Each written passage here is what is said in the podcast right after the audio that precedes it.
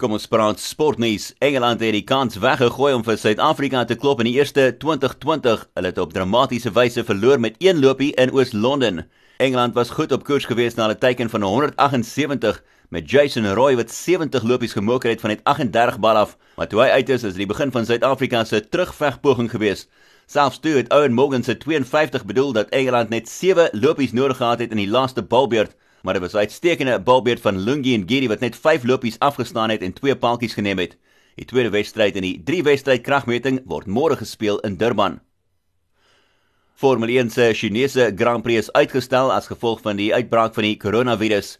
Die wedren was veronderstel om die 19 April plaas te vind in Shanghai en alle partye wat betrokke is, sal nou kyk na potensiële alternatiewe datums vir die Grand Prix later in die jaar indien die situasie verbeter maar dit mag dalk moeilik wees om alternatiewe gleuf te kry vir die Grand Prix want dit is 'n rekord 22 wedren kalender vir die jaar.